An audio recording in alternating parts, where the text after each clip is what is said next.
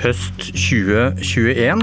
Erna Solberg kommer over grusen mot kameraene på Slottsplassen med sin nye regjering. Og rett ved siden av henne går den nye klima- og miljøministeren, Une Bastholm fra Miljøpartiet De Grønne. Ser du det for deg? Ser du det for deg? Høres det sannsynlighet? Du ler, Une Bastholm. Tror du ikke på det selv engang? Hei og god morgen. Um det er jo sånn at Hvis Høyre fortsetter å være det samme partiet de har vært uh, de siste seks og et halvt årene, uh, så er det jo ikke et veldig sannsynlig scenario. Og Jeg opplever jo at Høyre har bevega seg gjennom samarbeidet med Frp. Det er ikke lenge siden den andre nestlederen i Høyre, som ikke sitter her i studio nå, da, men Sanner, sa at Frp er og det var rett etter Frp hadde gått ut av regjering, så sa han at Frp er det partiet i Stortinget som vi er nærmest, sa Høyre. Og, det er jo, og, og Frp er jo det eneste partiet som vi i Miljøpartiet De Grønne har lukka døra for å sitte i regjering med. Um, og Det betyr jo at hvis Høyre fortsetter å være det samme partiet, så er det jo lite sannsynlig. Men jeg er opptatt av at det er, ja, Vi skal bare ta konteksten her, hvorfor du, ja. hvorfor du sitter her. Hvis det, kan være bare, for, det ja. Hvorfor i all verden snakker vi om dette her nå, ikke om koronaviruset? Bent Høie er her også. Det, du, du, blir da høyst trolig den nye lederen i Miljøpartiet De Grønne. og I den anledning så sa du tidligere denne uka, som du var inne på nå, at siden Frp er ute av regjering, så åpner det seg muligheter. Og fordi dere er et såkalt blokkuavhengig parti, kan samarbeide til begge sider, så, så kan dere også sitte i regjering med Høyre, hvis de da endrer klimapolitikken. Hva har Høyre og MDG felles? Kan jeg si først at jeg, jeg mener egentlig selv at jeg ikke har sagt noe nytt. Uh, men du er, er den nye lederen, og Frp har gått utover det nye, da? Det som er nytt, er heller ikke at jeg er ny leder, for jeg er fortsatt nasjonal talsperson. ja. Men jeg eh, velges da, hvis jeg er heldig, til å bli ny leder um, på landsmøtet vårt i april. Og I den forbindelse så har jeg jo blitt spurt om samarbeid igjen. Um, noe som jeg egentlig mener er litt tidlig å begynne å snakke om, ett og et halvt år før valget, og med uh, de store endringene som også kan skje i partienes politikk, forhåpentligvis. Vi lurer jo på, hvordan dere, få, jo på hvordan dere skal få makt da, vet du, og gjennomført politikken deres. Ja, og det sier jeg jo også veldig tydelig, um, at for Miljøpartiet De Grønne så haster det å få til store endringer i norsk klima- og miljøpolitikk. Uh, vi har ti år på oss til å halvere utslippene. Regjeringa har levert nå uh, nye oppdaterte forpliktelser til EU om å halvere utslippene innen 2030, men har på ingen måte fortalt eh, nordmenn eller Stortinget hvordan de skal få til det. Og Tvert imot så leverer de jo statsbudsjetter nå eh, de siste årene som eh, underleverer fullstendig på klima. og Du kan sammenligne egentlig med å levere et budsjett eh, som bare har inndekning for en femtedel av utgiftene. Og det her må vi gjøre på klimaområdet, som ville vært helt uakseptabelt på andre områder. At vi aksepterer en debatt som ikke, ikke egentlig har som forutsetning at vi skal klare å nå målene og har tiltak nok for det. Du skal få diskutere forskjellene nå snart, men utgangspunktet da, dere er blokkuavhengige og kan samarbeidet til begge sider. ikke sant? Du bekrefter det? det noen... Ja, det kan vi jo. og det er jo, vi mener jo at, eller Min oppgave er jo å prøve å mobilisere mest mulig velgere til klima- og eh, miljøsaken, til å ta vare på muligheten og fremtiden til ungene våre. Eh, og med det også gjøre et så godt valg at både Høyre og Arbeiderpartiet kommer til å måtte snakke med oss. Det er på en måte vårt drømmescenario, som jeg mener er best for Norge og verden og ungene våre. Men om vi kommer til å ta noen mer beslutninger, om vi har en, en koalisjon som vi foretrekker, eh, det er i så fall noe som partiet må gjøre, og det vil vi gjøre tettere opp til valget. Så det er for tidlig å si nå. Ok, Litt bakgrunnskunnskap til det valget, da. Eh, jeg så et interessant funn i det som heter European Social Survey, som måler nordmenns holdninger annethvert år. Og når MDGs velgere blir spurt om hvor de vil plassere seg selv, fra venstre til høyre i det politiske landskapet, hva tror du de svarer? Jeg vet at de eh, overvekta svarer venstresida. Nesten 60% plasserte seg på venstresiden i politikken. 30% i det man kaller sentrum. Under 10% av velgerne plasserte seg på høyresiden. Hva forteller det deg? En høyreside som har vært dominert av Frp de siste 6,5 årene, vil jeg legge til da. Og Det tror jeg for veldig mange velgere eh, virker som en fremmed tanke, at Miljøpartiet De Grønne skulle gått inn i en sånn type regjering som vi har hatt de siste årene. Så spørsmålet er om Høyre klarer å være noe annet. Om Høyre klarer å finne tilbake til føre-var-prinsippene i, i verdikonservatismen f.eks., som også Høyre har, eh, har, vært basert på tidligere. Eh, Kåre Willoch f.eks. har han har jo hatt et språk han, som, som ligner på Greta Thunbergs. Altså, Kåre Willoch har jo gitt, uh, laga en video som ble spredd masse på Facebook, hvor han sammenligner klima, klimakrisa med et hus i brann. og sier at det mest rasjonelle er jo selvfølgelig å forsikre det huset. fordi risikoen, selv om, selv om uansett hva du mener om hvor sannsynlig det er at krisa inntreffer, når risikoen er så høy, altså når, hvis den inntreffer, så er det så alvorlig, så er det rasjonelt å prøve å forsikre huset, og det er rasjonelt å prøve å gjøre mye mer for å hindre klimakrisa. Men hva tror du slike tall gjør med oppfatningen om at MDG er en melon, grønn utenpå, rød inni? Tallene om velgerne våre? Ja, og det at dere stemmer sammen med venstresida. Ja, vi har jo, um, og der refererer du jo til at vi ofte um, Det er tall som viser at vi mye ofte stemmer sammen med uh, den røde sida i Stortinget. Uh, og Det er jo vil jeg si, flere grunner til, men den aller viktigste er den kjedelige grunnen at det er dem vi sitter i opposisjon sammen med.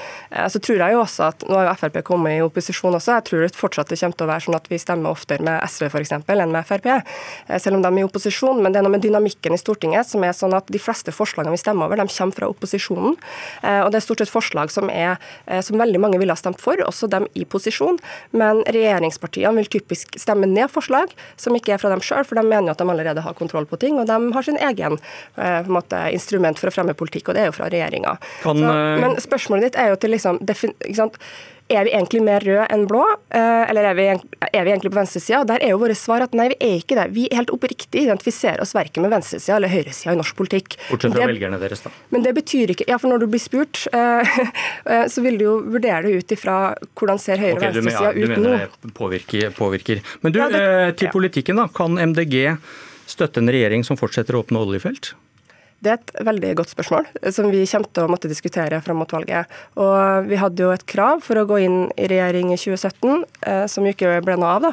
Eh, men vi hadde et krav om at vi ikke kunne sitte i en regjering som åpner nye felt. Hvordan skal dere få makt det, hvis dere står fast på dette? Skal bare fullføre det, og det kravet står jo fast i denne stortingsperioden. Hvordan skal dere få makt hvis dere står fast på dette?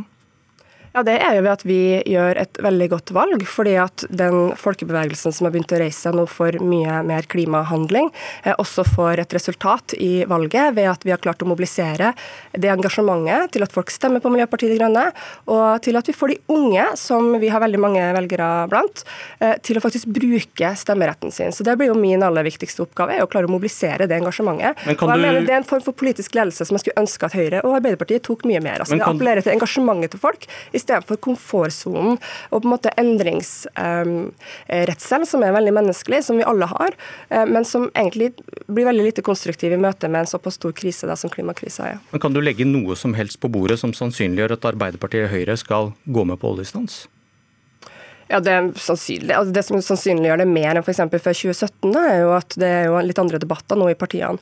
Kan du nevne eh, noen, noen, noen sentrale politikere i Høyre eller Arbeiderpartiet som går inn for oljestans? Jeg husker ikke navnet hans, men et medlem eh, som jeg tror også var tillitsvalgt i Bergen, som har, eh, har eh, i Høyre, som tok til orde for at vi skal ha en utfasing av olje og gass. og i Arbeiderpartiet så har jo Trondheim Arbeiderparti gjort vedtak om at man ønsker eh, til og med en, en sluttdato for, for olje- og gassnæringa. Sier ikke det veldig mye om har... hvor, hvor, langt ut du må, hvor perifert du må i partiene for å sannsynliggjøre Nei, det sier noe så usannsynlig? Om hvor tidlig vi er i programprosessen og i partiene. Så det er jo eh, landsmøtene neste år hvor partiprogrammene skal vedtas. Og måte, jeg, jeg, er vel egentlig ikke så interessert heller i å skal for, på en måte forklare hvordan, eh, hvordan det her kan skje i Arbeiderpartiet og Høyre, for det er på en måte opp til dem. Det må dem svare for. Men det er det eh, store problemet ditt hvis du vil ha makt og dere skal stå fast på et oljeultimatum, så er det det du må forklare ja, velgerne dine. For å si det sånn, Jeg tror det vil være vanskelig for oss å sitte i en regjering som åpner nye felt.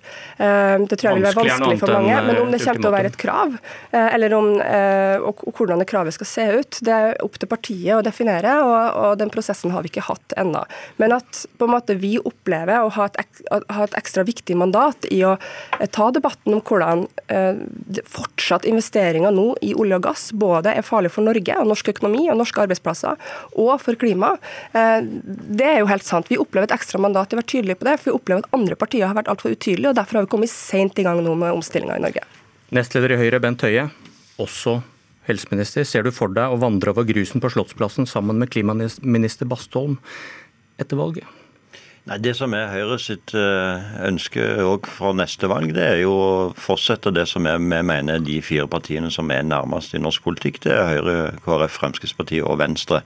Så Det er det vi kommer til å gå til valg på. Det vi mener det er de fire partiene som sammen har de beste løsningene for Norge, òg i klimapolitikken. og Det har vi òg vist. Jeg er jo helt uenig i den beskrivelsen av Høyre som MDG her kommer med. fordi Høyre er et parti som både nettopp styrer etter føre-var-prinsippet, og som tar klimakrisen på største alvor. Men det betyr at vi òg jobber med det som er de faktiske løsningene på klimautfordringene, og ikke opptatt av eh, å drive symbolpolitikk, som MDG her gjør på dette området. Vi er f.eks. være mest opptatt av å sette en sluttdato for et område der vi har faktisk eh, virkemidler som virker på oljenæringen for å få ned utslippene. Både fordi de omfattes av kvotene i EU, og fordi de omfattes av CO2-avgiften. Så Der er en jo i, i rute og i plan for å få ned utslippene. Utfordringen er jo hvordan vi skal òg få ned utslippene i Norge som ikke er en del av kvotepliktig sektor. Nettopp der har jo regjeringen nå lagt fram en klimakur for å få den diskusjonen. Det er jo som er så frustrerende at her sitter vi med et miljøparti som nå har brukt over halve denne sendingen på et spørsmål i klimapolitikken som har veldig liten betydning. Så kunne vi faktisk ha diskutert det som var hovedutfordringene for Norge i klimapolitikken, nemlig å få ned utslippene i det som ikke omfattes av EU sitt system, der ikke eh, utslippene vil gå ned av seg selv, men som krever faktisk tydelige politiske valg. Og så er det den lille detaljen at Høyre har 19% i snitt på målingene i februar. Dere kan bli avhengig av MDG. Altså, Vi går til valg på selvfølgelig ja, og, og, så, så, så, og, vi har jo stor tro på at disse fire partiene igjen kan få flertall. Det var ingen som trodde på at disse fire partiene kom til å få flertall før valget i 2017. Det klarte vi, og det skal vi også klare i 2021. Bastålen, det var ikke kjærlighet i luften? Uh, nei, og det var jo flere både, Og det er en, en direkte feil her òg, at Klimakur er jo ikke regjeringa sin plan. Klimakur er jo noe Miljødirektoratet har lagt fram som er eh, på en måte et slags kartotek da, over et slags sånn oppslagsverk. For det her kan vi gjøre for å få til 50% utslippskutt i løpet av de neste ti årene. Og så skal regjeringa fortsatt komme med hva de mener om det her. Og det er etter at vi har holdt på med klimapolitikk siden 1990. Utslippene er fortsatt høyere nå enn de var i 1990, når Norge begynte å formulere klimapolitikken. Og vi har allerede altså kilosvis med rapporter om hva vi kan gjøre for å kutte utslipp. Det Miljøpartiet De Grønne foreslår på Stortinget, de alternative budsjettene jeg legger frem, det er på ingen måte symbolpolitikk. Vi er det eneste partiet som klarer å vise hvordan du klarer å kutte nok med våre tiltak eh, fram mot 2030, som oppfyller Norges forpliktelser. Eh, Regjeringa klarer det ikke. Eh, Arbeiderpartiet viser bare budsjett for eh, for eh, det som er innenriks, altså for eh, det vi kaller kvotepliktig sektor. altså Hold olje og gass helt unna. Og Det er et kjempeproblem. Eh, og jeg mener det, det, Du kunne egentlig vært ganske lite opptatt av klima også, og vært opptatt av hvordan vi skal klare å fase ut olje- og gassnæringa bare av hensyn til norske arbeidsplasser og norsk økonomi. Fordi det, men særlig arbeidsplassene, vil jeg mene. fordi at det er et veldig utfordring at vi lener oss på prognoser som hvert år blir veldig nedjustert. Altså For gass så nedjusterer Det internasjonale energibyrået Eh, hvert år prognosene sine for hvor gassavhengig, eller men, hvor stor andel av Europas elektrisitet som kommer til å komme fra gass. Jeg forstår veldig og allerede godt at du i fjor og i forrige fjor så brukte Europa, fikk Europa mer elektrisitet, elektrisitet fra fornybart enn fra gass. Og vi forholder oss ikke til virkeligheten. Jeg, jeg forstår veldig godt at du er frustrert over Arbeiderpartiet og derfor ser til Høyre. Fordi Arbeiderpartiet kunne bli en dårlig kopi av Senterpartiet når det gjelder klimapolitikken. men det som jo, det som er, ja, og det er jeg helt enig i det du sier i intervjuet knytta til det. Men det som er utfordringen igjen, du klarer liksom bare i noen sekunder å snakke om den klimapolitikken som faktisk er hovedutfordringen, og som vi da har bedt om en klimakur for å få fram hva er handlingspunktene, før du er tilbake igjen og snakker om at du skal sette en sluttdato for oljenæringen. Utfordringen knyttet til oljenæringen for Norge er at nedgangen i den næringen den kommer uansett som følge av at dette faktisk, og det er vi jo enige om, ikke er en fornybar ressurs. Det vi må bruke politisk energi på i Norge, det er ikke å diskutere om den næringen skal ha en sluttdato. Det vi må bruke energi på, det er å diskutere hvordan skal vi faktisk skape alle de nye lønnsomme arbeidsplassene som vi trenger i Norge nettopp for å sikre at folk fortsatt har en jobb å gå til, og at vi har en velferd i Norge. Når den viktigste næringen vår dessverre uansett kommer til eh, å gå ned i aktivitet. Jeg tror det er flere regjeringsmedlemmer som ikke ville vært enig med Høie i at jeg ikke bruker tid på å snakke om eh, utslippene på norsk, eh, på norsk jord. Altså, jeg er jo veldig ofte i debatter om f.eks. elbilpolitikk, f.eks.